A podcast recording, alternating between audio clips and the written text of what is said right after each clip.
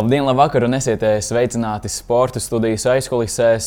Renes sezona jau tepat aizsēs tur, un esam ienākuši jau citā nodaļā Latvijas sportā tieši šajā sporta veidu kopumā. Un, par šo un citu būtiskāko šajos sporta veidos viens no, viens no kompetentākajiem cilvēkiem, ar, kuriem, ar kuru varētu parunāt, ir Mihāls Arhipovs. Mihāls ir pie mums šeit studijā. Sveiks, Mihāl! Labvakar! Tev noteikti deklarētā dzīvesvieta varētu būt eh, Siguldas trase. Gan drīz vai, gan drīz vai jau no 95. gada. Es izskaitīju, cik stundas ir pavadītas tieši Siguldas trasē, nerunājot par eh, pārējām pasaulē trasēm. Uh, grūti pateikt, bet droši vien viena trešdaļa no dzīves gan jau, jau ir pavadīts. Tagad arī, kā jums arī pirms sarunas iesākām, tuvojas pasaules kausa un uh, savā ziņā futbols. Un tu ir divi saistīti jēdzieni, jo tu tieši gribēji arī sākt un nodarboties ar futbolu, bet eh, tevi nedaudz maldināja, aizvadīt kā uz futbola treniņu, bet tas nebija futbola treniņš. Jā, bija tāds, tāds gadījums. 95. gada rudenī draugi man pasauca spēlēt futbolu, tā kā uz treniņiem. Es, protams, ka labprāt neatteicos, ja man futbols ļoti patika. Es divas nedēļas gāju, domāju, ka es trenējos futbolā. Un vienu no treniņiem treneris teica, tā, nākamā diena tiekamies piecos trasē, būs treniņš. Tā, paga, paga, kāda trase, kāds sakars? Ko, ko tu jau kā manās iestājies? Es kā futbols, futbols tikai sausie treniņi. Ja? Tā arī palika.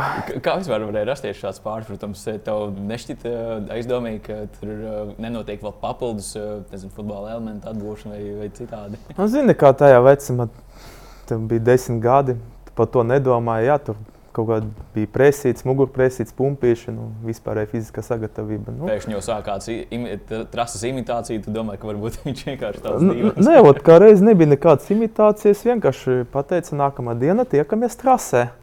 Un tad es arī sapratu. Bet nu, kaut kas tajā, tajā tevi aizķēra, jo pretējā gadījumā nu, tu neveltītu praktiski visu savu dzīvi tieši ledus uh, rentas sporta veidiem. Oh, kā lai pasaka, kas man aizķēra? Hmm. Varbūt tāpēc, ka mani draugi tur gāja. Otrais moments tajā laikā nekas cits nebija. Nebija ne basketbols, ne futbols, nekā. Bija principā kamaniņu sports. Un, un, un trešais, kaut kāda tāda spītība, ka gribēja kaut ko pierādīt. Jo tā godīgi sakot, man pirmie treniņi nepatika braukt pa trasi. Tā atklāti sakot, daudzies pa bortiem nebija nekas tāds patīkams. Es domāju, kuram uh, bērnam, ja pateikt, ka to jābrauc lejā pa kalniņu, tas ir, tas ir forši. Tas ir, Tas, ko gribētu darīt. Bet, laikam, trasē tas ir pavisam citādāk. Pavisam citādāk. Tomēr. Tur nav to plēvi zem dibena. Tieši tā, tur arī var apgāzties, sadauzīties. Un, un, un, Tās, tādas, tajā laikā bija kamanas, kādas viņas bija. Kā nebija pielāgotas katram braucējam, un līdz ar to tev viena diena viena kamana, otra diena otra. Ar vienu kamanu tu vari nobraukt, ar otru nevadās. Un, un, un, un līdz ar to tur no dienas dienas bija tā, ka tu varēji gan sadauzīties, gan ok nobraukt. Un līdz ar to plus vēl tas viss augstums, ledus. Un, un, un, tā kā sākumā man nesaistīja, bet nu, ar laiku, ar gadiem man sāk patikt ar vien vairāk un vairāk. Bet kas tieši tev patika? Jo nekas jau nemainījās. Laikapstākļi palika tie paši, ledus tas pats. Vecāks palika droši vien. Kaut kāda apziņa nāca, un, un, un, un, un tu sāc lēnām to ķert, kaifu, tu sāc kāpt augstāk, braukt no augstākām vietām, ātrums, adrenalīns, un tas arī sāk tev paķert. Labi par to kaislību futbolu. Šodien sāksies pasaules kausa arī LTV 7. Rādīsim, vai tu būsi arī viens no tiem, kas skatīsies? Ar lielāko prieku. Vienīgi ir neliela tāda problēma. Mēs uh, decembrī brauk, lidosim uz Ameriku uz pasaules kausiem. Nu, tad gan jau būs tā, kā būs ar tiem laikiem skatīties. Bet nu, vismaz mēģināšu highlights noskatīties. Kas ir tavi favorīti? Vai tas mainās no kausa uz kausa? Uh, mainās, bet uh, šogad, šogad es okay, nebūšu baigi oriģināls. Es gribētu teikt, ka es gribu Fanoši par Brazīliju, Brazīlijas izlasi. Brazīlija pēdējos eh, četrus pasaules kausus eh, nav, nav pārvarējusi eh, ceturdaļfinālu. Nu, cik tu ceri, ka viņi varētu? Es ceru, es skatījos, kāds viņam ir sastāvs, kādi uzvārdi spēlēs. Man liekas, ka diezgan tāds optimāls salikums, kas man simpatizē. Viņas spēles stils, filozofija. Tā kā es jā, būšu par Brazīliju. Daži, daži varbūt ir par uh, finālu, un, protams, katram ir savi favorīti, bet Argentīna pret Portugāli. Jo teorētiski Argentīna ar Portugāli var satikties finālā. Messi pret Ronaldu. Arī Brazīlija ar Argentīnu var satikties. Arī tā. Tev katrā ziņā ir Brazīlija un jebkurā citā kombinācijā. jā, ok, ja tu man prasīs par Eiropas komandu, tad es pateikšu Beļģiju. Beļģija. Beļģija tur arī ir ļoti labi spēlētāji. Tas vienīgais no, no treneriem, no, varbūt no kamīņa sporta vai vispār treniņa sporta veidiem, kas pārstāvjiem, kas nu, seko futbolam, varbūt citu sporta veidiem. O, vairāk vai mazāk es teikšu, ka viens no vienīgākajiem. Jo es tā cik klausos, tā futbola, jā, ok, paskatāmies, jā, lieli mači varam, bet nu, tā līdzi baigi nesekojam līdzi. Nu, jāsako tam, ko ikdienā dara, un laikam no sportistiem, laikam to arī jāprasa, ka koncentrējas tikai savai lietai. Tieši tā. Protams, ir kam hokejs, vairāk kam volejbols. Bet... Mārtiņš, starp citu, arī ar, ar Tomasu. Uh, vairāk arī hokejam. Protams, paši arī, paši jā, arī, paši arī uzspēlē. Paši uzspēlē, paši bērnība ir trenējušies hokeju. Bet... Pludmales volejbols vēl arī. Arī, jā, bet futbols man ir sirdi un es un paliks, ceru. Un, un, jā, es, es, es, vienmēr spēlējis, skatījos, un, un, un, un man ļoti, ļoti patīk. Tas pat ir, manuprāt, viens no retajiem, ja ne pat eh, vienīgais sporta veids, kuru izmanto kā iesildīšanos eh, citos sporta veidos. Teikšu godīgi, man kamerīna sportisti labprāt spēlē futbolu. Viņi arī prasa, nu, kad mēs uzspēlēsim, jo mums patīk iesildīties ar futbolu. Un, man liekas, viņi labprāt katru dienu būtu gatavi spēlēt. Jā, tie paši hokeisti arī pirms spēlēm arēnā tur savā stūrītī arī bumbu pasit. Nu, kā jau kā, kā lai pasakā, nu, nepavēlta futbols ir karaļa sporta veids. Nu, viņš ir, es domāju, numur one pasaulē. Tas gan. Kādā situācijā šobrīd esam tieši Renes sporta veidos? Nu, ir pavisam cits laiks, var teikt, cita ēra pienākusi. Viena nodaļa ir aizšķirta. Kā, kādā priekšā mēs esam? Kādas nākotnes priekšā skeletons un bobslēgs varam redzēt, saskaras ar ļoti lielām grūtībām. Vienīgi kamīņa sports vismaz no, ārēja, no, no ārpuses izskatās, ka ir viss sakārtotāk no, no tieši no sistēmas viedokļa. Nu, cerams, ka ne tikai izskatās, ka tā arī būs.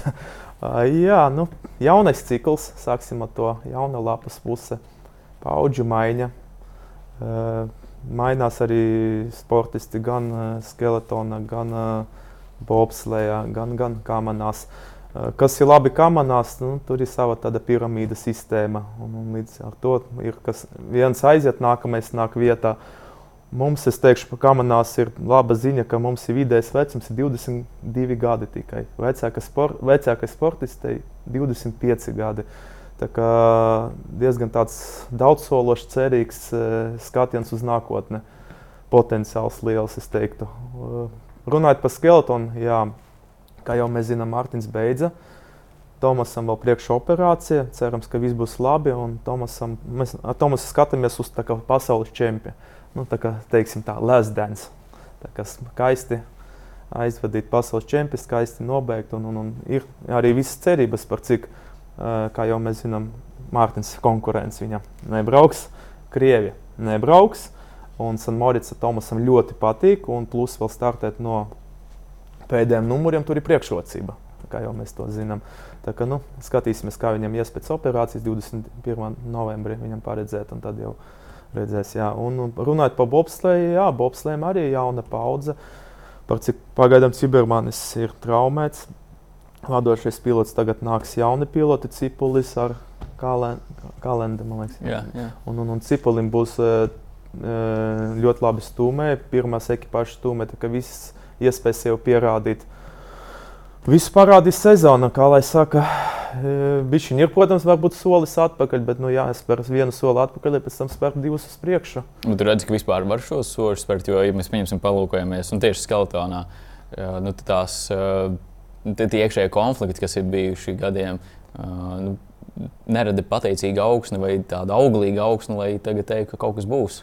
Protams, tagad ir šī skaltona akadēmija. Jā, es gribēju teikt, ka ļoti laba ziņa ir Ledus akadēmija, kur ir, es tā, cik pavēroju, ir diezgan potenciāli, teiksim tā, jaunieši.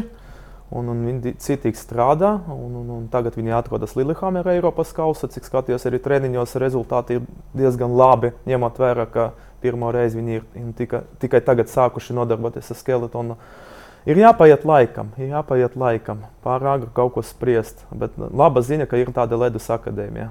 Tā kā, protams, ka tagad ir tāds vidus uh, posms, uh, teiksim, tā vecuma posms nav. Ir ļoti jauni un ļoti vecs, tā kā nosacīt vecs Tomas. Vidus sādaļa tā kā pagaidām izpaliek. Bet nu, Tomas tādā ziņā viņš ir ārpus visu šī, jo viņu par uh, tā sezonas griezumā sportistu vairs nevar uzskatīt, jo viņš arī pats teica, ka viņš grib tikai nokoncentrēties uz pasaules čempionātu. Varbūt atsevišķiem pasaules kausa posmiem, bet jā, nu, pēc būtības nu, šī, kā arī tu pats teici, viņi viņi iespēja pateikt, nu, atvedas sporta veidam. Tā kā, nu, par tādu sporta sistēmas sastāvdaļu nu, viņi īsti nevar uzskatīt.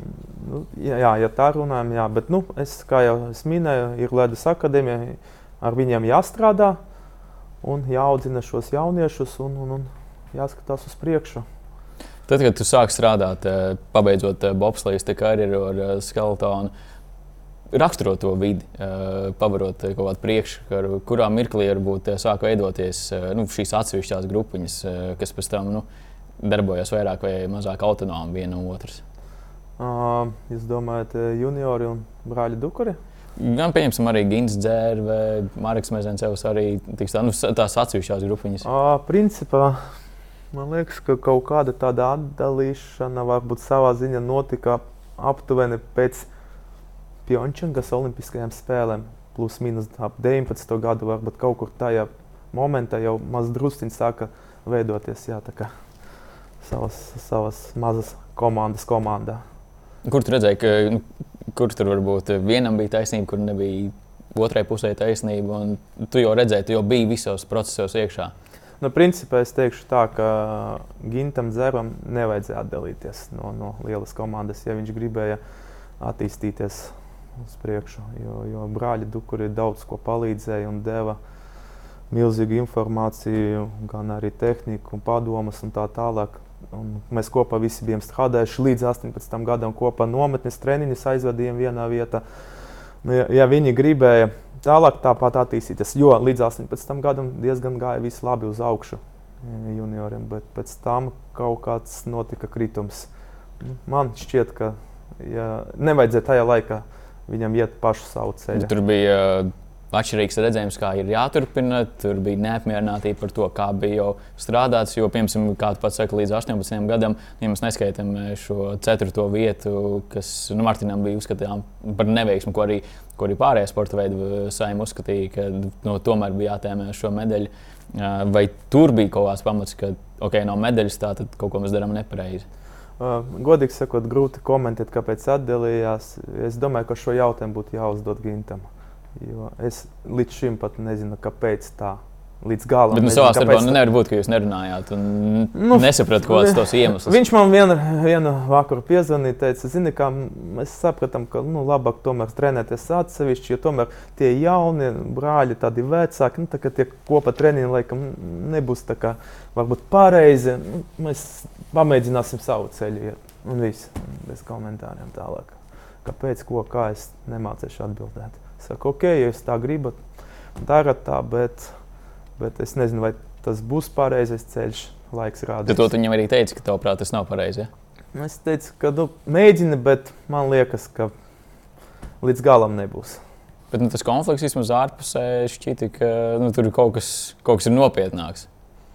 Iespējams, kaut kas tur ir apakšā, neredzama daļa, aizberga neredzama daļa. Bet atklāti sakot, Es neiedziļinājos, es darīju savu darbu, un es negāju tajās visās lietās. Lieldas priedēlēnas sadalīšanās, tas arī bija pārsteigums tev? Mm, gan es teiktu, ka nē. Jo tāda sajūta bija, ka viņa jau mazdrusciņā gribēja būt atsevišķa. Un, un, un, Tāpēc, ka, ka viņai šķietami neveltīja pietiekamu uzmanību vai nedeva uh, inventāru, tehniskās iespējas. Jo, cik saprotu, no visas komandas tāpat uh, viņai arī tika atvirzīts finansējums, kas nu, bija paredzēts viņas treniņiem. Uh, varbūt viņai likās pat kā pamāza uzmanība. Bet... Arī tā mēs līdz galam ar Leldu neesam izrunājušies. Tik daudz neatrisināts. Jā, tik, tik viss palika neatrisināts. Un, un, un, un ne, ne mēs īpaši bāzamies virsū uzzināt, ne viņa mums neko tādu nav stāstījis, kāpēc. Uh, ok, gribēja, aizgāja. Labi. Bet ar Mārtiņu es pieļauju, ka tu runāji par, par šiem procesiem. Kāds tās bija jūsu sarunas? Uh, labs laiks jau pagāja. Lai, uh, Mēs tā arī runājam, ka tā, tā likās, ka Lieldiņa gribēja iet. Nē, es domāju par kopumā par šiem procesiem, ka nu, Lieldiņa varbūt atdalās, Marks Mezencevs strādā savā grupiņā, tad ir Gins Dzēru ar saviem audzēkņiem. Kā jūs vispār skatījāties nu, tieši no, no sporta veida attīstības, no, no sistēmas viedokļa? Vai, no. vai tur jūs saskatījāt, ka tās ir kaut, kāds sarkanie karogi, par, kur, par ko mums ir jādomā, vai, vai šajā mirklī pievēram acis un vienkārši darām? Kā, mēs tajā brīdī ļoti fokusējamies uz sevi. Mums bija jāparāda rezultāts, mums bija jāsagatavojas, mums bija pietiekami daudz darba, lai vēl domātu par blakus lietām. Tā kā tajā brīdī teicām, jā, ok, gribat, ejiet, darat, bet mēs savā starpā runājam, ka nu, ne pie kā laba tas nenovedīs. Nu, kā jau mēs redzam, tā ir. Bet nu, palika kaut kāds aizvainojums. Tu jūti, ka ir nu, savā starpā kaut kāda šī eh, spriedzīta, kaut kāda, kāda dzirkstelīte visu laiku? Īsti nē, īsti nē. Es domāju, ka nav nekāda aizvainojuma baigā. Nav. Savā starpā trasē sveicinās. Eh, Sveicināmies, jā, runājamies bez aizvainojumiem nav ko tur turēt, nekāda aizvainojuma. Nu, Gins Dzēra ir minējis, e, nu, viņam arī šis konflikts ar Daindu, kur arī kaut kādā mērā esot e, iesveidojis nu, šo lēmumu. Nu, tas paliek, kā lai saka, Daini un Ginta lietas. Es tajā nelīdu iekšā. Jā, tas viss bija nostatus e, un ārpus varbūt tavas lemtspējas. Es, es arī neko tur nebūtu lēmis, ne, nebiju spējīgs lēmt. Es atstāju viņu kompetenci, lai atrisinātu savas lietas. No malas tā, tā savādi šķiet, e, it kā ir tie rezultāti, un varētu arī pēc tam attīstīt, e, bet e, nu, kā šī komunikācija, kas, nu, no, kas novada pie tā, ka beigās ir tik, tik jau tā, tādā nišas lietā kā skeletons, ka mums ir kaut kāda vairāk atzari un nav varbūt šīs vienotās uh, attīstības vai vīzijas, ko mēs darām tālāk. Jo neapšaubām talanti, kas bija brāļi Dukuri, uh, nu, tur pēc būtības viņi bija pašpietiekami. Viņiem neviens citu nevajadzēja. Pārējiem pēc būtības vajadzēja pie viņiem. Nu, ot, tāpēc ir tā, ka vajadzēja mums turpināt strādāt kopā, un viss būtu labi. Es domāju, līdz šim arī būtu sportisti un, un, un, un jau būtu arī nobriedušāk un, un, un, un kā lai saka, gatavāk jau pasaules kausiem. Jūs teicāt, ka, nu, ka ir, protams, ir, mēs arī raugāmies arī Ivo Steinbergs, eh, kurš strādā ar šo skalotonu akadēmiju. Uh, bet uh, cik tas ir optimistiski noskaņots, ka pieņemsim, Dainim pietiks vilkme un azarts, kā viņš viņam sāka 90. gadu beigās ar, ar saviem dēliem. Un tikpat arī ieguldīties uh, tieši, tieši tagad jaunās akadēmijas darbā. Nu, viņš dara ko, to, ko viņš dara. Viņš dara, kā lai saka, cik viņam ir enerģijas, tik ir entuziasms arī. Es redzu, viņam ir, viņš palīdz, bet nu, galvenokārt tur jāuzņemas būs jau ar laiku Ivo. Ja viņš tur uzņemas viņus attīstīt, viņam arī būs jāturpina viņus kā, attīstīt uz priekšu.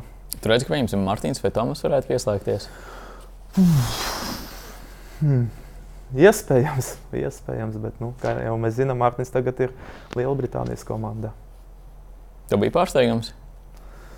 Uh, es domāju, ka baigi nē, tāpēc ka par viņu daudzas nācijas interesējās. Jautājums, uh, kura vairāk gribēja viņu, pie kuras nācijas bija labāk nosacījumi. Nu, acīm redzot, pie Lielbritānijas. Tādā ziņā arī tas, ko runā arī paši sporta veidu pārstāvji, nu, tās zināšanas tiek iedotas eh, Britiem šobrīd. Un tas, kas eh, būtu iespējams Latvijai, nu, tas ir vai ielikts iekavās, vai, eh, vai mēs nezinām, kad piemēram Martinam būs šāda iespēja. Ziniet, ja kāds no jauniešiem uzdos kādu jautājumu Mārtiņam, lai viņš palīdz man. Uzdot nekād... jautājumu, tas ir viens, bet sistemātiski strādāt ir pavisam kaut kas cits. Nu, tās ir cits, jā, bet nu, Mārtiņš nekad neatteiks palīdzēt, ja vajadzēs palīdzēt. Bet, nu, protams, visas tas galvenās zināšanas tagad būs uh, Lielbritānijai. Lielbritānija līdz ar to es domāju, ka noteikti šogad parādīs labus rezultātus. Kā tev vispār ir tāda pašam iekšējā sajūta par to, kas notiek? Uh, tu jau pieminēji, ka ir kaut kāda attīstības posma, kam jāiziet cauri. Bet, uh, nu, kur, cik tālu ir atmests piemēram skeletons? Vai nav tā, ka ir jāsāk pēc būtības no pašiem pamatiem? Nu, no pašiem pilnīgi nē. Tā kā brāļi saka, ka nekā nebija. Vismaz ir zināšanas, ir tehnika, ir treneri. Kā, nu, es nezinu, plus mīnus 11, 20 gadi aptuveni, teiksim tā. Jāpaiet laikam. Nu, tagad ņemot vērā, kāda mums ir jauniešu ledus akadēmija, nu, nu, vismaz astoņiem gadiem jāpaiet, lai viņi iemācās. Lai ir kaut cik e, labi, daudz maz ir pieredze un, un, un, un, un tā fiziskā attīstība un braukšanas attīstība. Nu, es domāju, astoņiem gadiem jāpaiet. Tu šobrīd arī strādā ar skeltonistiem vai tikai ar kamaniņu izlasi? Es e, palīdzu Tomasam. Un, un, un, un ja Ivo man kādreiz kaut ko arī palūdz, kādu konsultāciju attiecībā par fizisko sagatavību, protams, es arī piepalīdzu. Tagad, kad Mārtiņš ir pievērsies e, nu, tieši treneru karjerai, strādājot ar Britiem, ko tu novērtēji viņa iespēju to? Kāds sportists, ko mēs esam, ko mēs esam pieredzējuši? Tas viņa nu, statistikā palūkojoties, tas ir fenomenāls sniegums. Vai tavuprāt, mēs kaut ko varētu līdzīgi sagaidīt? To? Mēs esam pieraduši jau katru nedēļas nogali. Izlutināti. Izlutināti tā, pa otru vietu jau apmēram uzskatījām pa neveiksmi. Bet, Tas arī bija jūsu komandas iekšienē, kad eh, bija sudrabs vai, vai nē, nē, nē, es tā skatos, ka, ka skatītājiem jau bija tāda sajūta. Otra vieta jau, nu, nu jā, nu, ne, nesalikās, nebija tik labi. Pieraduši visi, protams, viņš ir skeletona leģenda. Un, un, un, un Vai vēl tāds būs kādreiz? Es domāju, vēl simts gadus diez vai. Jā, tīpaši par, uh, par to pārliecinošo sniegumu, kas uh, nu, bija dominējošs. Nevis runājot par tādu vienmērīgu augstu sniegumu, bet par tādu dominējošu sniegumu. Tas ir, uh, nu, kā, kā tur kā raksturot viņu kā sportistu? Izcils sportists, paraugs visās ziņās, darba ētika, plus viņu attieksme pret darbu. Precizitāte, maksimāla atdoties, viss viņa disciplīna, režīms. Principā kā paraugs. Šis, sportists ir paraugs. Kā to bija vērot, uh, nu, tu vari vienkārši par aizklausēm pastāstīt, uh, šo paraugu vērot Pjončānas Olimpiskajās spēlēs, 4. vieta. Sāpīgi. Protams, ka nu, viņš ir cilvēks. Skaidrs, ka jebkurš var kļūdīties. Nu, nesalīkās 4. brauciens. Jā. Pēc eh, brauciena viņa uzreiz eh, pieskrēja eh, Dainis, pateica savus vārdus, kas bija tālāk, kā tur, kā tur viņi komunicēja un kas bija tas, kurā mirklī pie viņa vispār varēja pieiet. Zini, kā bija vienkārši pienācis viņu uz to plecu un bez, bez vārdiem. Mm, viss bija skaidrs. Tajā brīdī labāk neko nerunāt. Pašam jau ir skaidrs, tā jau ir grūti viss vārā. Zini, kā pēc tam apsēdāties kaut vai pie kādas glāzes un izrunāt? Nu, pēc tam, kad jau pagāja bijis laiciņš, protams, ka nu, skaidrs. Viņš saprata, es sapratu, nu, bija kļūda, jā. Sākās tā kļūda, tā ķēdīte aizgāja viss. Tajā mirklī nešķiet, ka tas kaut kādā mērā ir beigu sākums. Nešķita. Es ticēju, ka mēs vēl varam. Un, beig, un 19. gadā mēs kļuvām par pasaules čempioniem. Ne, es neuzskatītu. Tāpēc viņš arī turpināja vēl vienu ciklu, jo bija ticība, ka mēs vēl varam. Un kas Pekinā notika? Ne viņa trase. Ne, nenoķēra viņš to ritmu. Nu, ot, zini, kā ir trase tava un ne tava. Nu, nu nekādīgi nesadzīvoja ar šo trasi, teiksim tā. Tad atkal, kurā mirklī tad teorētiski varētu salikties? Bija... Nā, tas pats arī bija savā ziņā Vankūverā. Uh, Sočos, uh, Pjončānā, Pekinā. Nu, viss tuvāk pie Vankūvera patiesībā. Tur bija tā prātā. Nu, ja tā paskatāmies, jā, viss tuvāk zeltam viņš bija Vankūverā. Kādus jūs plānus likāt pēc Pjončānas ceturtās vietas? Radikāli mainīt tehnikā un visā, visā tajā attīstībā pavisam iet kaut kādu citu ceļu, mēģināt kaut ko pavisam savādāk. Tur bija kaut kāda kļūda, tavuprāt, tagad skatoties? Uh, daļai varbūt ļoti, ļoti, ļoti daudz visu, kaut ko eksperimentējam, ņemamies. Tur skaidrs, ka tas galvu sagrozīja un viss gāja tādā bišķiņa traucē savā ziņā braukšana un tā tālāk, bet, bet uh, bija, bija jāiet tam cauri. Viņš savā ziņā arī ieguva ļoti laba pieredze, kas ir labi, kas ir slikti, kas pareizi, kas nav pareizi. Es domāju, šo pieredzi viņš tagad varēs pielietot kā treneris Lielbritānijas izlasē. Kā tu redzēji, kā viņš vispār koncentrējas un kā arī pārējie sportisti, ko tas ir gan trenējis, gan redzējis, darbojamies, kā viņi koncentrējas tieši, lai sasniegtu savu maksimumu? Nu, viņš tā fokusējās, ka, ka viņu. Ir kaut kāds piemērs, kā to varētu raksturot?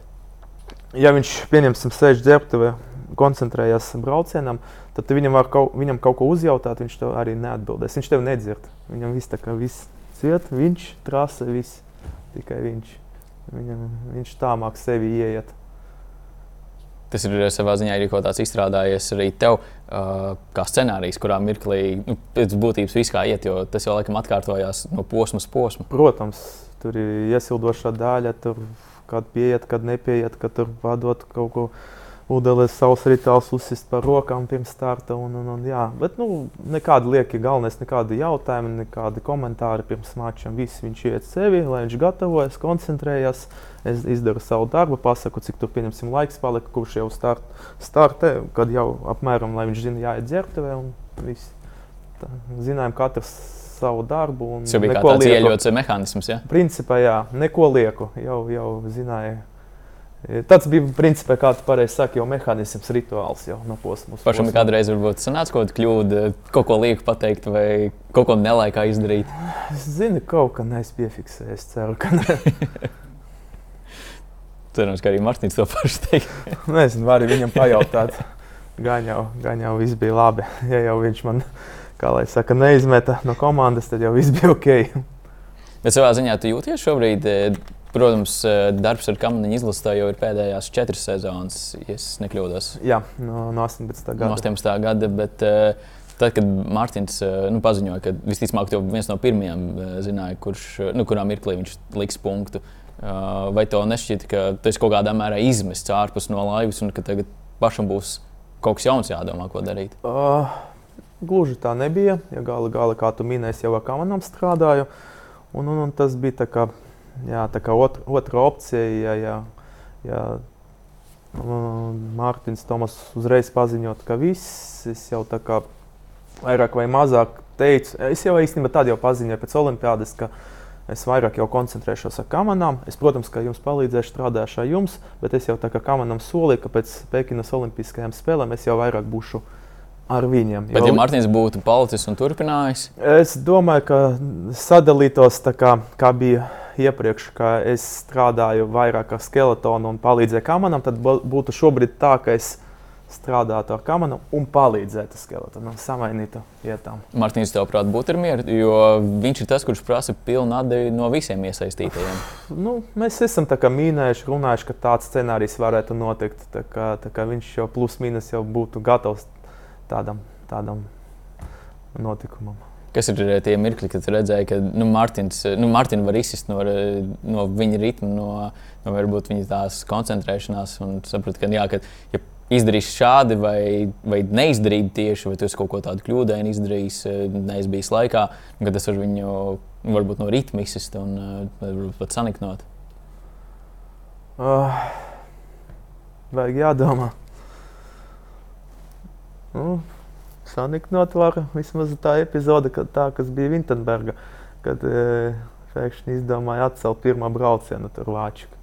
Viņam tur likās, ka tur nav pareizi, ka tur tīrīja vai netīrīja to sniegu. Tad gan bija tāds, tāds es jūtu niknums, un, un, un, un kad atcelt to pirmā braucienu, bija tikai viens brauciens, tā kā otrais maču režīma. Un tad Mārtiņš bija tik nikns, teica, nu tad es tulīt jums parādīšu. Viņš arī parādīja. Jā, tieši tā. Un tad es redzēju, ka viņam nācis dega. Nu, labi, tad, ja jūs, jūs tā, tad es jums arī. To kā trenerim nebija tāda, kā e, uzreiz spuldīt, iedgās, varbūt jāmēģina viņš mākslīgi tā uh, uzkurināt. nu, jā, un nē, bet nu, tas ir, zini, kā. Es domāju, nu, nevajag arī tik saniknot. Ja tu domā kontekstā par Olimpiskajām spēlēm, tad nē, nē, nē, es, ne, es neriskētu viņu saniknot pirms starta. Bija tavuprāt kaut kāds eh, veids, kā sagatavoties labāk, ja mēs raugamies eh, uz Pekinu, pieņemsim. Vai šajās Olimpiskajās spēlēs, kas arī bijušas iepriekš, nu, Pjončina, Sudrabs, tas, protams, ir izcili. Bet vai tu redzi, ka nu, ir bijusi iespēja šo soli spērt, lai, lai tas zelta kārotais arī būtu? Vai tavuprāt, loģiski apsvērumu dēļ, nu, tie bija maksimums, tas bija viss, ko viņš varēja izdarīt? Kā zelts, zelts, zelts bija diezgan grūti sasniedzams, jo tiešām vācietis nobrauca izcili, izcili, kā es teikšu. Uh, sagatavojušies, fiziski mēs bijām sagatavojušies labi. Šo sadaļu es nezinu, ko mēs varētu izdarīt. Tur bija maksimums izdarīts. Varbūt kādā tehniskā ziņā ar slīdām paspēlēties. Citas slīdes varbūt pie, uh, uzlikt attiecīgi vairāk piemērotāk tiem laika apstākļiem, kas bija tieši maču dienā. Varbūt tur varētu. Braukšanā, jā, nu, braukšana tas jau ir no Mārtiņa atkarīgs. Tur, kur bija kļūdas, lai nebūtu kļūdas. Nu, principā, jā, tīri tā braukšana vēl. Nu, iespējams, ja viņš samainītu slīdes, ļoti iespējams, ka viņam arī tā braukšana mazliet būtu savādāka. Kā, bet, nu, zini, kā To jau nekad nezinā, nezināsim minēt tagad. Jo tieši Olimpiskajās spēlēs liekas, ka vienmēr vai nu mainīkam ir eh, šī trase vai esmu, lielās izlases, kam, kam ir lielāks nodrošinājums, ka tieši tur viņi izšauja un ka viņiem ir kaut kāda šī slēptā kārta, kur viņi izvelk. Un tieši Olimpiskajās spēlēs Martinam vienkārši tajā kavē, nu, vairs nav to trumpi. Jā, jā, tā ir. Mainīkam vienmēr ir priekšrocība. Es jau kā teicu, būtu Sigulda Olimpiskās spēles. Nu, Kā jūs jau redzat, Sigulda mēs arī pārliecinoši. Uh, abi brāļi ir trīnieki. Mainiekam, protams, ka būs vienmēr labāk startēt, ja tu trasi pazīsti tik labi, ka, ja tu pat kļūdies, tev ir ABC un D vēl varianti. Tu zini arī, pie kurām laika apstākļiem vislabākā tehnika, slīda un tā tālāk. Jā, un vāči runājot par vāčiem, jā, viņi nav mainieki, bet viņiem jau pirms Olimpiskajām spēlēm bija visa trasa konfigurācija Visi spiedieni, visi, visi informācija, viņam jau simulators bija sagatavots. Viņi pat brauca pirms braucot pa uh, trasi Pekina, jau iz, bija braukuši pa simulatoru. Viņi bija tik gatavi jau. Kāds, kāds viņam ir tas pieejamais nodrošinājums, vai vispār ar viņiem var nu, cīnīties? Nu, viņi diktē, kā lai saka, šajā sporta veidā, veidā mūziku. Viņi pasūta mūziku. Ja viņi nebūs, tad nebūs šis sporta veids. Viņi ir tie galvenie. Nu, ne tikai skaltons, bet bobslēgs un kameras. Viss, viss Rēnas sporta veidi. Arī vācieši būvē trasi gala galā. Viņam viss pieejama informācija, viņam ir tās, tā, tā visa infrastruktūra tāda, ka es nezinu, kam jānotiek, lai viņa nebūtu priekšā. Es saku, ja viņa nebūs priekšā, tad vispār varam aizmirst par šiem sporta veidiem. Bobslijā, manuprāt, ir vēl izteiktāka tā viņa dominance. Ir īpaši, bet tās arī nogalina šo sporta veidu. Nu, skatītājiem jau nav interesanti. Dažas nācijas tikai cīnās. Nu. Bez būtības Vācija viens un Vācija divi savā starpā. Bez maz vai jā, ok, labi, ka Latvija vēl piedalījās tajā visā iesaistījies cīņā. Tur nik pa laikam varbūt Šveices kāda komanda, bet tā kopumā, Kanādā jākrīps, bet nu, kopumā tā skatoties no skatītāja viedokļa Tas tikai nogalina sporta veidu. Bet ir, ko, tu, redz, tu redzi kaut kādu citu iespēju? Jā, jā pieņemsim, būtu interesanti. Pieņemsim. Divnieks. Un vienu braucienu vien, viens brauc, un otru braucienu samainās vietām pilots ar pieņemsim stūmēju. Pavisam cita intriga būs. Es labi nerunāju par četriem, tas jau būtu vispār kosmos. Četri piloti, četri braucieni, un visi samainās. Tas nu, bija pat traku būt, bet vismaz divi piloti viena ekipāža, kuri samainās vietām. Nu, vēl ir variants, ka visi startētu ar vienām komandām, bet es domāju, ka vācieši tam nepiekrist. Nu, nepiekrist. Jau monobobs, monoboba jau pierādījis, ka tehnika ka ir vienāda. Tā, tā nevienmēr vāči uzvar, citreiz pat knapi trīnieka tiek. Jā, tas bija tieši sieviešu monobovā. Tieši tā, jā, jā, jau pierādījis, ka, ka, ka ar vienādu tehniku vāči jau uzreiz nav jau tik spēcīgi. Runājot par bobsleju, tu esi tieši sācis eh, arī savus, eh, nu, es biju arī šajos eh, bobsleja apcirkņos un arī izmēģinājis visas pozīcijas, sākot no visām trim stūmēju pozīcijām, gan arī pilots. Bija, Kas ir tās nianses, ja tu varētu paraksturot pirmais, otrais, trešais numurs un tad pilots? Nu, teiksim, tā pilots un stūmēt, tas vispār divi dažādi sporta veidi. Principā es jau tā apmēram gribētu teikt. Jo pilotam galu galā ir jāst, ne tikai jāstum, bet arī jāsturē visa atbildība uz viņu. Un, un, un, jā, stūmē ir sānu stūmē un ir aizmugurējs stūmēs. Nu, tur kas mainās, mainās tas stumšanas tieši process, kā tu turies un stūmi. Un salikšana, vai tu lēc no aizmugures vai no sāniem. Nu, tā viss atšķirība. Bet, nu, pa lielam. Kur tu jūties viskomfortablāk? Vai kā pilots tomēr? Protams, ka pilots tomēr pats vadi kamanu un, un pats, pats visu regulē. Kā bija tas eh, process, kad tev pateica, ja tu gribi palikt bobslēgā un braukt eh, un piedalīties arī Olimpiskajās spēlēs, ka tev ir jākļūst par stūmēju, nevis par uh, pilotu? Protams, tas jau bija diezgan sen, lai es tā baigi visu precīzi atcerētos, bet uh, pa lielam bija tāda, jā, tāda, tāds variants, ja es gribētu Vankūverā piedalīties, tad vienīgā iespēja bija atlasīties kā, kā, kā, kā stūmējam. Jo kā pilots tajā momentā bija zaudējis pozīciju, nu, tad vienīgā iespēja palika būt kā stūmējs. Kāda bija šī konkurence ar, uh, ar Miņinu arī? Uh, runājot par stūmē? vai? Jā, nē, nē, par pilotu. Konkurence bija tad, uz to brīdi biju es, Miņins un uh, Maskalāns. Jā, kāda bija šī konkurence iekšēji? Kā tu redzēji, ka vai nu vienam ir labāks nodrošinājums, vai, vai tas tīri izpaudās nu, Nu, prasmē? kā? Protams, maz drusciņš jau, kā jau pirmam numuram, maz drusciņš to dot to pēc iespējas labāko, gan stūmēs, gan, gan, gan tehniku. Bet uh, viennozīmīgi prasmes bija Miņinam, kā pilotam, vislabākās. Kā tu atceries šo Vankūveras uh, laiku? Sapratīji ar visu šo apendicī- apendicītu, ar visu šo operāciju un, un varbūt uh, saulēcīgi nepieņemtu lēmumu, kas nu, noved pie tā, ka beigās uh, nu, no Olimpiskajām spēlēm tur nekas nesanāca. Jā, bija, bija. Atceros, īstenībā tas viss sākās Kalgarī. Kalgarī bija nometne pirms Olimpiskajām spēlēm, tad Miņinam parādījās temperatūra.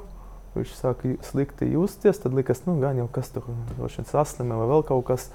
Un tad, jā, tad viņi aizveda uz slimnīcu un konstatēja, ka ir apendicīts. Un tad bija, man liekas, cik es atceros, smags lēmums, vai nu tagad operēt un vēl paspēt uz spēlēm, vai nu pēc, bet laikam jā, bija pieņēma lēmumu, ka operēt un gan jau var būt īsajā laika mēģinās atjaunoties, bet, nu, kā jau mēs redzējām, tik ātrā laika nevar atjaunoties. Un, un, un viņš skaidrs, ka jau fiziski bija novājināts tik traki, ka Vankūveras trase, kur vajag baigāko fokusu, reakciju un, un, un, un, un domāšanu, to ar tādu vā- novājinātu organismu jau nespēja valdīt tik precīzi kā manas, jo tu jau tā kā kavējies. Jo trase tik ātra bija, ka, ka, ka jābūt kaut kādai īglasai, viņš vēl varētu, bet tajā trasē tas bija bijis pat traka. Jūs nebijāt iekšēji varbūt dusmīgi, kā tas viss notika. Mm, Par ko mums dusmoties? Veselība, veselība. Ne, ne, ne jau tādā ziņā par to, ka tas notika, bet eh, nu, vismaz eh, daži treneri pārmet, ka nu, saulēcīgi ne, nepieņēma pareizo lēmumu, kas tad arī ļauta. Bet, eh, bet ko varēja darīt tajā brīdī? Ne, neizoperēt, viņš arī, es domāju, nebūtu startētājs nekāds. Par lielam vienīgais, ko es varēju pateikt, potenciāli viņš bija uz četrniekos, viņš varēja izcīnīt bronzu. Kopumā tā skatoties pēc treniņiem. Bet, nu jā, nu, kā salikās, tā salikās. Pēc tam viņš kā pārklaucējās par treneri. Jā, varbūt tāds bija liktenis, tāds dzīves ceļš. Un savā ziņā arī tev Bobslīdas karjerai beidzoties, te ir brāļi Dukuri, pie, nu, ģim, Dukuri ģimene piesaistīja. Jā, bija tāds stāstījums, ka uh, es satraumējos diezgan nopietni Bobslējā 11. gada rudenī. Tur bija gūži un tur diezgan sarežģīti stāstīt, bet nu, bija tik sāpīgi, ka man pat staigāt bija sāpīgi, ne tikai skriet. Un tieši es tad mācījos 5. kursā LSPA. Un 12. gadā es vēl centos Bobslējā atgriezties, kā mēģināt uh, trenēties, bet tikko aizvadīju vienu, nu, divu, trīs treniņus, atkal sāk sāpēt. Nu, principā bezjēdzīgi. Un, un, un tad es vasarā pa- pabeidzu LSPA 5. kursu vispār akadēmiju. Un tieši brāļi man paaicināja pie sevis, ka, Klau, nu, tas, cik sapratam, ka tev laikam Bobslis jau beidzās, par cik trauma. Varbūt tu varētu mums palīdzēt ar savām zināšanām. Nu, es jau pirms jau arī pirms tā notikuma ar viņiem kopā vasarā biju trenējies, kaut kāds ar savus, nezinu, kādas idejas pameta, varbūt vai pamēģinām tā vai šā. Un, acīm redzot, kaut kur viņas tas aizķēra. Un, un, Bet tieši jā. par fizisko jā, sagatavotību. jā, jā, protams. Un tad arī 12. gada jūnijā viņi tieši mani paaicināja, lai es kopā ar viņiem sāktu strādāt. Nu, viņi teica, vai pamēģināsim, paskatīsimies, kā būs. Tā kā, jā, tā arī. Kas ir tavs rokraksts tieši fiziski sagatavojot sportistus? Jo, jo bobslēgs gatavojas pēc citas receptes nekā skeletons. Uh, kā lai saka, basics, tie pamati ir diezgan līdzīgi. Tikai maz druskuļi bija jāpamaina to, ka bobslēga dominē varbūt, varbūt maz druskuļi svaru zāle. Skeletona vairāk dominē vieglatlētika. Vajadzētu Man to visu maz druskuļi, bet ļoti izteikti. Nu, pieņemsim 60 pret 40 procentiem. Jā, vajadzētu to visu transformēt tajā, tajā, tajā sporta veidā. Un, un, jā, sava pieredze, plus vēl svaigas zināšanas, pabeidzot sporta akadēmiju. Kā saka, zina, akadēmijas e, poņa, čūjas un ņūks. Nu, to visu saliekot kopā, jā, salikās diezgan, es ceru, ka labi tas viss process. Nu, tieši tas ir sakrits ar to posmu, kad nu, Mārtiņš nu, tieši uzsāka to savu dominanci. Uh, nu, viņš, es domāju, varētu teikt, uzsāka ar Vankūveras sudraba Olimpisko nu, medaļu. Ja tā precīzi, tad arī nu, tieši tā Vankūveras sezona vispār kā tāda. Jā, pavisam precīzi tā sezona. Jā, viņš sāk dominēt, viņš, man liekas, tad arī vinnēja pasaules kausa, globusu. Un, nu, jā, 11. gada viņš jau vinnēja pasaules čempionātu Kienigzi. Nu, ar 12. gada viss tā kā turpinājās. Kur, kurā mirklī tu arī sajūti, ka tu arī vari būt uh, noderīgs kā treneris, sniegt padomus, redzēt, uh, kas notiek trasē un šo pārs, uh, pārveidot informāciju, kas ir noderīga Martinam? Tad, kad uh, rezultāts kad bija, rezultāts pats par sevi runāja. Protams, kad Džeki arī paši pateica, jā, ka, ka viņam patīk mana, manas idejas, runājot par fizisku sagatavību, arī saprotu to, ka es arī sapratu braukšanas filozofiju skeletona, visas līnijas, trajektorijas un braukšanas, to, to visu, visu stūrēšanu. Un, un, un. Ja tu varētu paķidāt, kas ir tās būtiskākās nu, tieši stūrēšanas ziņā, jo tu esi gan bijis pozīcijā kā pilots Bobslijā, brauc arī ar kamerām kur, kur tu redzēji, ka jā, tas ir citādāk un ka tu pats saproti. Jo varbūt ne visi, lai arī ir bijuši šajās sporta veidos, viņi, viņi to var saskatīt, to, ko tu saskati. Tas, kas ir nepieciešams. Es sapratu to, ka skeletons nestūrējās tik labi kā kamanas un bobs. To pirmkārt bija jāsaprot. Tas, kā tu iestam, tā arī aiziet. Nu, drīz, tas, ka viņš nestūrēs, viņš neklausa tev tik labi. Un, un, bet tās līnijas, trajektorijas visiem ir līdzīgi, ja tur pieņemsim, Sigulda 11 virāžu jāiet ātri un jāiegriež pirmo vilnu. Gan Kamanam, gan Bobam, gan Skeletonam visiem vienā tas jādara. Tikai kā to, to izpildi, tas jau ir savādāk. Treneris izpildījums. Treneris māca arī paskaidrot.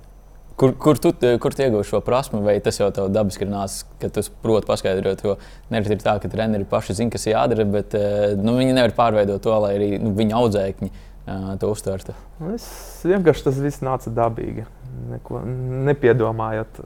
Nofilmē, nu, kā mums notika ar brāļiem. Es nofilmēju gan viņus, gan arī varbūt kam sanāca labi vai netik labi. Tad mēs kopā apsēdamies, analizējam, skatījāmies planšetē, salīdzinājām, izrunājām. Tad nākamā diena mēs jau zinājām, runājot par rāciju, ko es viņam pateikšu un ko es redzu.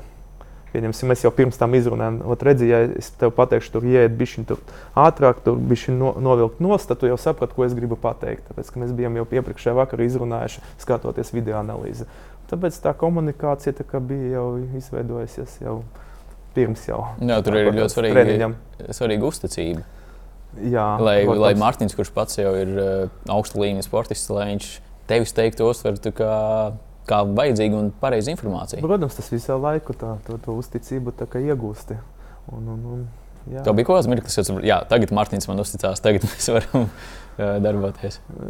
Jā, kad viss vis informācija sakrita. Jo viens ir, kad viņš pats brauc, un otrs, kad, viņ, kad viņš paskatās, kā izskatās no malas. Tas, protams, es viņam iedodu to feedback, kā es redzu to no malas, kā izskatījās. Viņš jau pārbaudīja kaut kādā mērā. Nu, nu, kā... Protams, viņš pēc tam planšetē arī paskatās, ah, jā, jā, tā bija, ot, jā, forši, skaidrs. Jā. Tā, nu, savādāk jau nevar būt komanda. Jābūt tai uzticībai starp treneri un audzēkni. Tikai tad veidojas tā ideāla komunikācija, tas modelis, kā strādā. Tu pieminēji šo izglītības faktoru, kas eh, nu, Latvijas sportā tikai būt, eh, nu, pēdējos gados sāk nu, kļūt kā, kā norma, ka sportisti arī papildus vēl studē. Vai tu saredzēji iespējami, ka, ka kamnīca sporta veidā varētu būt sasaistīta ar universitāti, jo ir Mūrjāņa sporta gimnāzija, kas nu, savā virzienā daudz kritikas par savu liederību saņem. Vai tu redzi, ka viņiem ir kaut kāda ceļš, kā universitātes varētu iekļaut?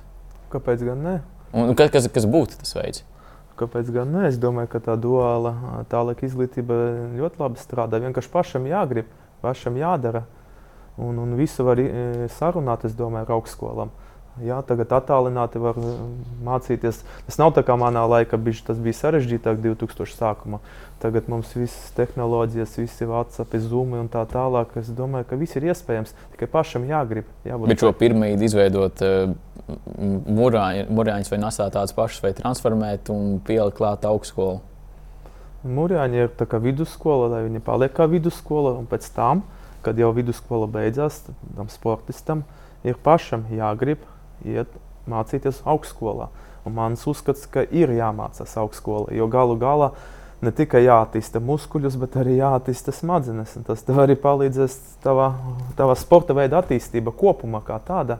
Attīstīties vispusīgi, ne tikai e, iet vienu ceļu, klāpes ciet un tikai sports, sports, sports. Jābūt arī, es domāju, vispusīgi, plašāk redzesloku paplašināt, arī sevi attīstīt Tā kā iekšējā, ne tikai ārējā. Kāda, tavuprāt, ir eh, šī nu, taustā uh, artava no, no Mūrjāņa gimnāzijas? Jo katru gadu pēdējos nu, 10, 15 gadus runā nu, par to, nu, kas būtu jādara citādāk tieši ar Mūrjāņiem. Zini, kā man būs grūti komentēt šo, jo tāpēc, es neesmu iedziļinājies, kā ir tagad Mūrjāņos, kā, kā, kāda tā struktūra un, un mācību process. Kāds. Nu, vienīgais, ko es nezinu, tagad varētu iesaistīt eh, mūsu tehnoloģijas caur Zoom attālinātas mācības, vairāk, vairāk, vairāk darboties, kad sportisti prom. Bet nu, pārsvarā kamerinieki jau, jau nāk no mūrāņiem, jo ir šīs eh, skolas nu, piesaistītas eh, šīs grupiņas. Jā, bet mūsu izlase principā jau ir izbijuši mūrāņieši. Viņi jau ir pa lielam visi pabeiguši mūrāņus. Nav man tāda sanākusi situācija, ka tagad sportistam ir jāmācās mūrjāņos un jābrauc prom uz pasaules kausa. Vieni, vienīgi vienai sportistai ir tāda situācija, bet viņa labi mācās un viņa visu izrunāja skolotājiem, viņus viņa palaida, viss ok. Bet mm, šobrīd mūsu sportisti ir jau augstskolas principā. Studenti, tie, kas mācās. Protams, tie, kas mācās. Bet tāda nav viss, protams. Nu, tur jābūt apņēmībai. Zini, ka, uh, nav viegli gan sportot augstā līmenī, gan mācīties. Es jau zinu pēc sevis. Tur bija jābūt tādai, tādai uzņemšanai. Nu, jāpiespiež sevi, jāiziet no ārpus komforta zonas. Es arī mācījos ilgi, bet lēni, lēni, bet mācījos citīgi, nepametu mācības, sportojot paralēli. Plus man vēl bija divi mazi bērni galā. Tā kā nu, visu var, ja tu gribi.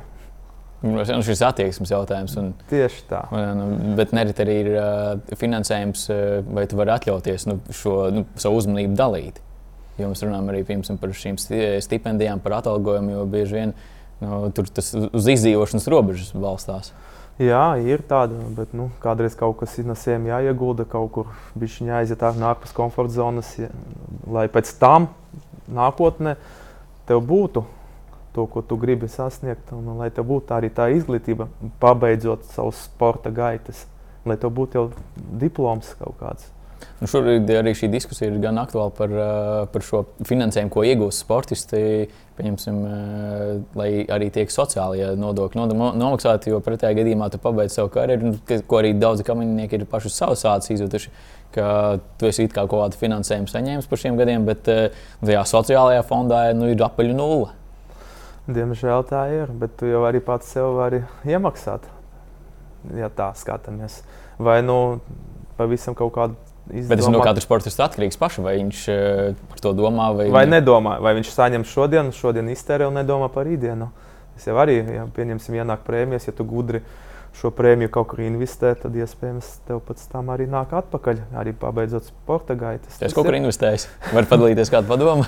nu, es investēju, bišķiņu, varbūt ne tur, kur vajadzētu investēties kripto. Bet, nu, kā, kā tev tur iet?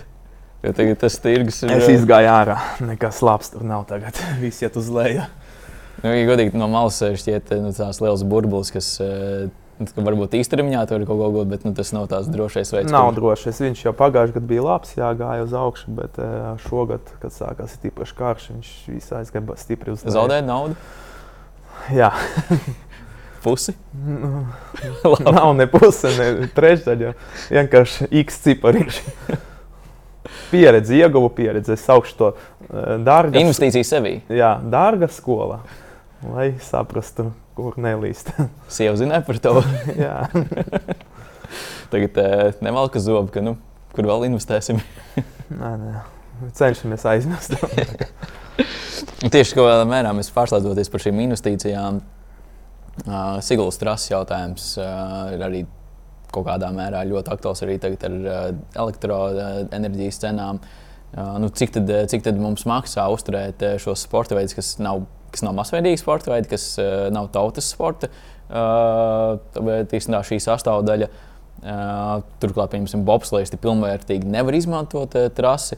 Uh, nu, kāds ir pašu sportistu iekšējā lokā redzējums par Sigūdas trasi? Vai mēs lepojamies, ka mums viņi ir, viņi mums tiešām palīdz, vai tomēr jā, ir labi, ka viņi mums ir, bet uh, nu, mēs kaut kā tiktu arī uz priekšu, ja viņas nebūtu? Es domāju, tā, ka mums daļai jāpriecājas, ka mums tāds mantojums ir. Un, un, un, ja mums tāda trasa nebūtu, nu, tad mēs varam taisīt uzreiz ciet Renes sporta veidus. Kā, un, jā, protams, jūs visi teiksiet, ka tas ir, tas ir ļoti dārgi, bet cik atnāk atpakaļ e, naudas?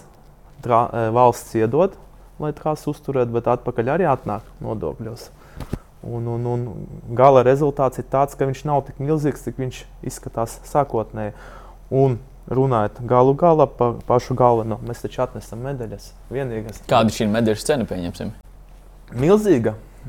Cena ir milzīga, bet Vai viņi ir adekvāti. Bet atdeve arī. Paskatāmies, bija tā plašāk. Cilvēki skatās sacensības, iegūst emocijas. Bet, ja cilvēks iegūst pozitīvas emocijas, viņš tās emocijas transformē varbūt savā darba jomā, kur viņš strādā. Otrs, varbūt kaut kā iedvesmojas, ka arī vajadzētu pasportot.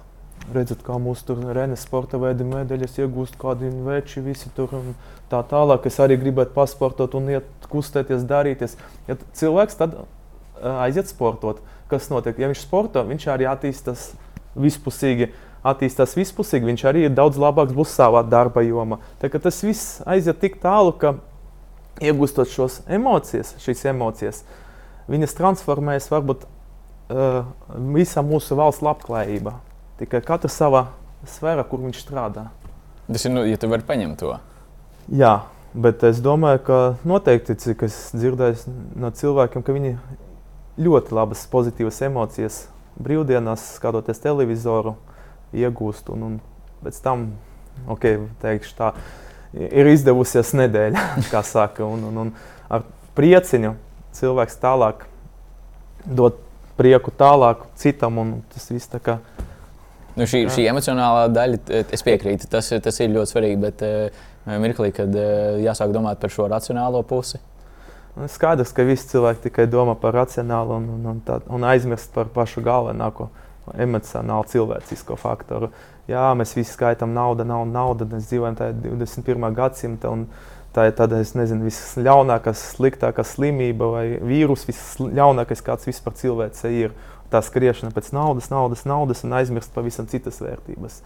Bet tas emocijas galu galā un, un, un tas pozitīvisms, tas jau ir galvenās vērtības. Cilvēks, ja viņš jūtas emocionāli labi, tad viņš arī iespējams mazāk slimos. Nu, es jau tik tālu aizgāju par runājot par par, par slimībām un vēl nesko. Bet emocijas cilvēkam vajag. Bez emocijām nekā. Tu, tu vari būt bagāts, bet, ja tev nav emocijas, kāda jēga? Tā kā, jā, es zinu, tu runās par līdzekļiem un tā tālāk, bet nevienmēr tu emocijas var nopirkt. Ja, mēs sakām, tu, ja tu esi piedalījies Olimpiskajās spēlēs, tu kaut kāds bagātnieks tur nav piedalījies. Bet varbūt es daļai būšu bagātāks nekā viņš, tāpēc ka es esmu ieguvis to, ko nevar nopirkt par naudu. Nu, diemžēl ir lietas, ko var nopirkt par naudu, un arī kaut kādā mērā, ja mums ir. Bet emocijas citreiz nevar. Tur es piekrītu, jā.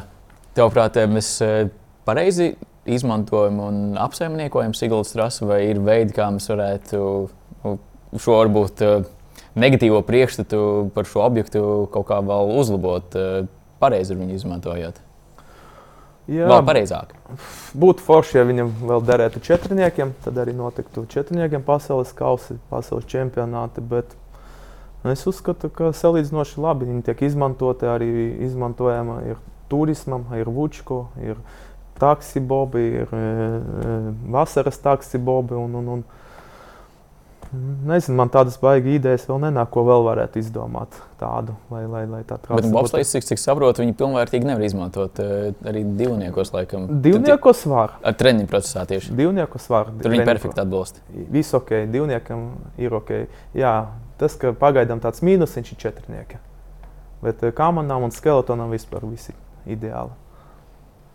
Jā, arī mēs nesen arī bijām pie Martina, kad ir sports studija taisīts sižu, tad arī tur īstenībā diezgan daudz citu valstu pārstāvju nu, rīko arī savas treniņu nometnes. Tieši tā. Un, un, un, un tagad oktobrī trāsa, cik es skatījos grafika, bija noslogota no 7 rīta līdz 11 vakarā.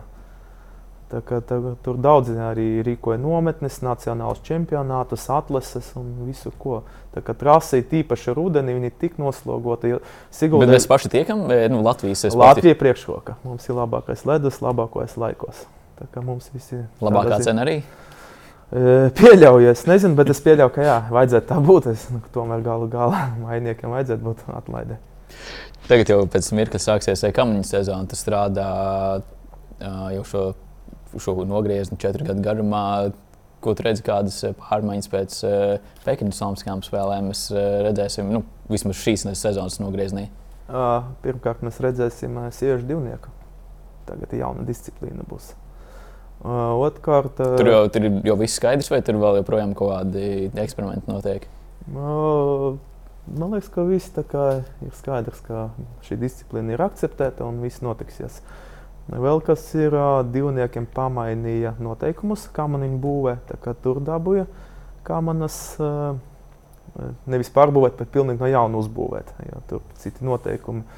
Tas, kas mums izmainīsies, tas vēl, nu jā, brāļu šicus neredzēsim, Elīzu tīrumu neredzēsim. Tad vēl mums pabeidz Arturs, dārznieks Rozītis. Un, un, būs e, jauni sportisti. Jauni sportisti tāda, kā, ko jūs neesat varbūt dzirdējuši, Frančiska Bona no jaunajām tādām. Jauns uzvārds un, un, un sieviešu divnieks. Varbūt var pastāstīt vairāk. Un Frančiska Bona ir jauna meitene, tik, tikko beigusi principā nesen Mūrjāņus. Tā kā, jā, būs debija pasaules kausos. Būs pašam arī interesanti strādāt. Vai Vai tev ir kaut kādā veidā, ja tā rutīna izstrādāsies, ka ir jāmeklē papildus, uh, papildus azarts? Nav, nav man vēl rutīna, tic man, vēl ir dzirksteli iekšā. Un, un, jā, nu, sieviešu divnieks jauno, ko mēs redzēsim, Anda Upīte un Sāni Ozoliņa. Pārējie uzvārdi visi ir zināmi. Ko novēlēt šajā sezonā? Novēl to, lai pēc finiša varētu uzsist sev pa plecu un pateikt, ka es izdarīju visu, ko es varēju izdarīt, un attiecīgi, lai nāk augļi pēc e, padarīta smaga darba. Nu, tad es pateikšu tā, lai tas viss transformējas taustāmā medaļās. Neatkarīgi no tā, vai var uzsist sev pa plecu vai nē. Bet, uh, bet vajag... labāk, lai tu uzsit pa plecu un, ka tev ir arī gandarījums, ka viss izdarīts maksimāli labi un ka viss izdevās. Nevis ka vienkārši tev nokrita tā medaļa no debesīm, ka tur nezinu, laika apstākļi ietekmē, vai vēl kaut kas ietekmē, ka tur kaut, kam, kaut kas tur nolūza vai nokrita, vai vēl, lai, lai tu maksimāli pats no sevis izdari e, pēc iespējas labāku darbu. Un to tu pašu attiecini arī uz e, bobsledu un skeletonu, vai tur tā bilde un tā attīstība ir nedaudz citos toņos iekrāsot? Uh, nu, skeletonam es novēlu jauniem attīstīties. Uh, nepadoties pie pirmām neveiksmēm, iet uz priekšu un cīnīties, krist, celties un, un, un, un, un, un uzstādīt sev mērci un iet uz to mērci. Bobslēm principā jauniem pilotiem arī gūt pieredzi, pieredzi un, un, un cīnīties, nenokārt galvu. Un, un, un, protams, ka es domāju, ka kādā atsevišķa posmā viņi vēl mierīgi var paspīd, paspīdēt ar labu rezultātu. Katrā ziņā viss notiek. Protams, ka notiek. Šogad mums pasaules čempionāts Bobs Skeltons notiks Sanmoricā. Kā jau mēs zinām, mums Sanmoricā tur vienmēr labi gājas. Arī tehnika labi. kaut kur pie koka. jā, tehnika labi slīd mums tur Sanmoricā. Tā kā godīgi sakot, klusumā tur varētu cerēt uz ļoti labiem rezultātiem. Tad jā, man arī jānolai, tu varētu kārtīgi pastrādāt ar Tomasu, nu, kad viņam rehabilitācija viss noritēs, un tad lai varētu viņu sagatavot. Nu, tā tam delēs dienas, kā tu pastāstīji. Galvenais, pats galvenais, pirmā vieta, lai veselība. Tas ir pats galvenais, lai, lai viņš pēc operācijas labi jūtas, lai viss, viss labi atjaunojas. Un, un tas ir pats galvenais šobrīd. Es domāju, visiem mums veselība ļoti svarīga. Protams, protams. Paldies, Mihāl. Veiksmi sezonā. Darbos gan ar Kamanu izlasi, gan arī Tomas, kad tā ir tāds individuālais projekts. Un tad jau tiekamies pietrās un jau noteikti arī šeit kaut kur zacēlās. Paldies! Cerams, cerams, ka pēc sezonas mēs varēsim satikties un izrunāt par ļoti ražīgu un veiksmīgu par sezonu. Par to, kā sit pa plecu savu. Tieši tā. Paldies jums! Jā, paldies, Mihāl! Paldies, ka bijāt kopā ar mums sporta studijas aizkulisēs. Kā vienmēr, šo un arī citas epizodes varat vērot gan mūsu YouTube kontā, gan arī Spotify, Apple podkāstos. Paldies, ka bijāt kopā ar mums un tiekamies jau nākamajās epizodēs.